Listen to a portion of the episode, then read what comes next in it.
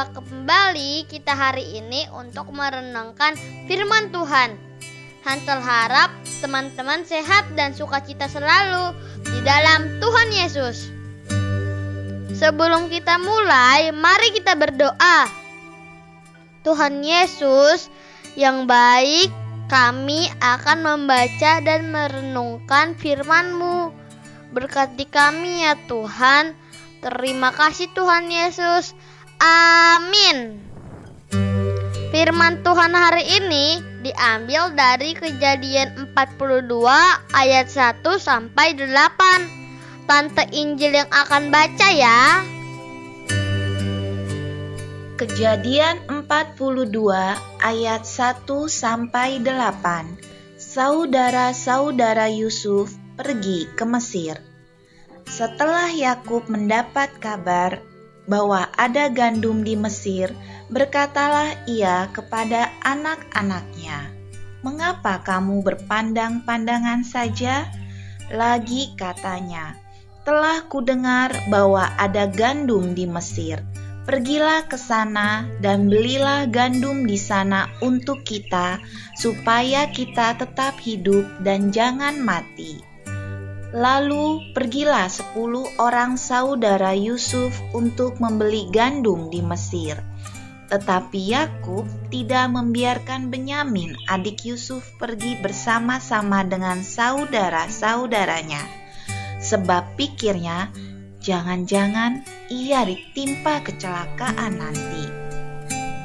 Jadi di antara orang yang datang membeli gandum, terdapatlah juga anak-anak Israel, sebab ada kelaparan di tanah Kanaan.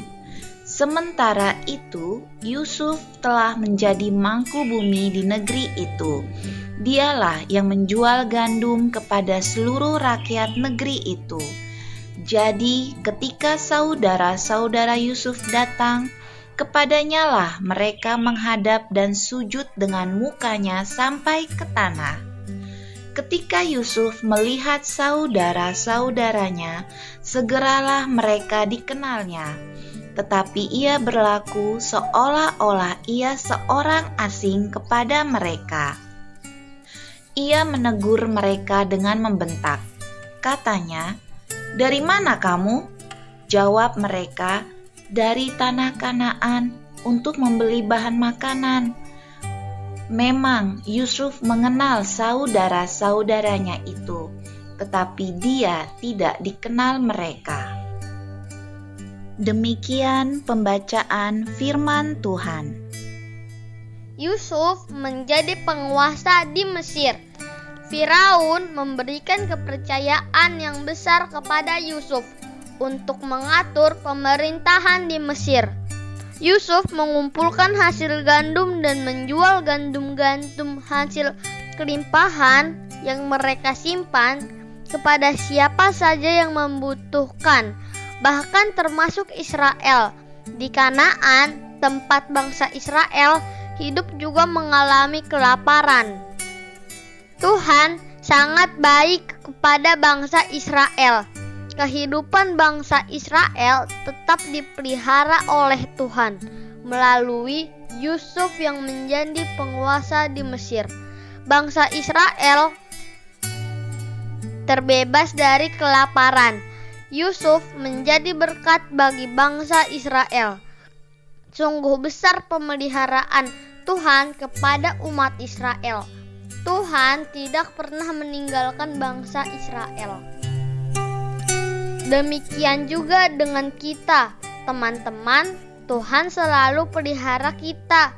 Tuhan tidak pernah meninggalkan kita. Banyak cara Tuhan untuk memberkati kita.